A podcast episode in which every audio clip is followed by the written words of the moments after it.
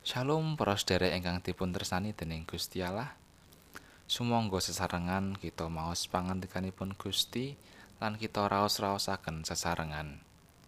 Sumangga kita maos pangandikanipun Gusti ingkang kapendhet saking Matius bab 17 ayat 21 dumugi 17.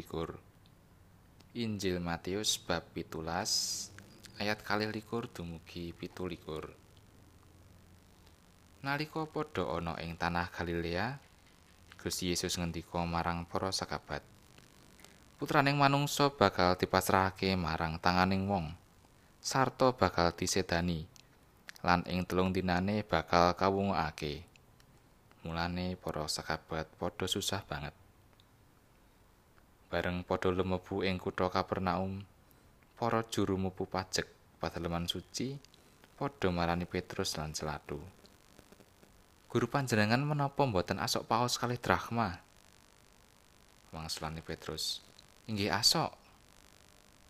Nalika Petrus lumebu ing omah, Gusti Yesus ngrumiyini kelawan dangu. Simon, panemumu kepriye? Sopo sing dipunduti biya lan pajek dening para raja ing donya iki? Para putrane apa wong manca?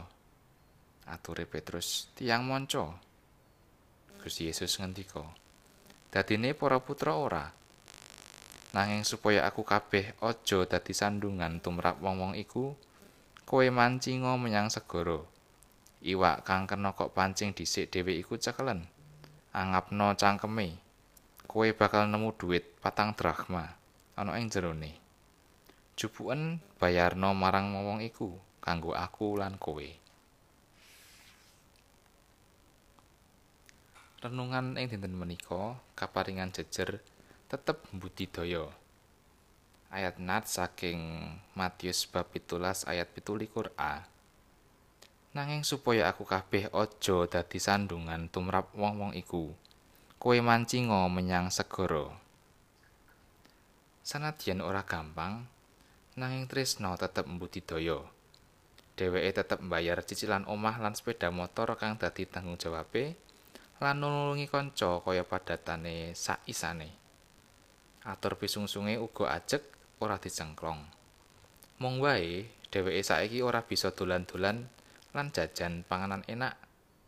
Iku mau kabeh dirasakake minangka wujuding bekti lan tresna marang wong tuwa. Manungsa lumrahe kepengin samubarang bisa kepenak. Sing angel wae kepingine digawe gampang. Apa maneh sing gampang? Nek bisa digawe luwih gampang maneh. Emane sing kaya mangkene iki gawe manungsa sang saya ringkih. Ora gelem rekoso kanggo budidaya nggayuh apa kang dadi pepinginane. Saiki dadi barang lumrah manungsa mbeseli supaya bisa nyambut gawe. Mundak pangkate lan oleh proyek. Kosok baline ora lumrah menawa manungsa rekoso kanggo nggayuh pepinginane. Lan nyambut gawe jujur lempeng lan temen. Wawasan Injil dina iki nyeritakake bab Gusti Yesus kang asok pajek kanggo nyengkuyung pangibadah ing padaleman suci. Bab iki katindakake awit panjenengane ora kersa dadi sandungan tumraping wong akeh. Ing kene panjenengane mulang kita bab tanggung jawabe wong urip, yaiku manut paugeran kang becik. Minangka Gusti Allah kang netake jagat kudune panjenengane ora perlu asok pajek.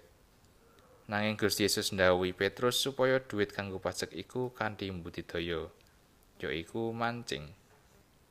Yakub minangka kagungane Gusti Allah wae, anggone oleh bojo lan raja kaya ora meneng wae nyadong kawelasane paman Laban. Nanging temen nyambut damel sanadyan diurii pamane dhewe. Mula awake dhewe aja mung golek gampange, nanging temeno nyambut gawe supaya bisa nggayuh pepinginan lumantar dalan kang lurus. Amin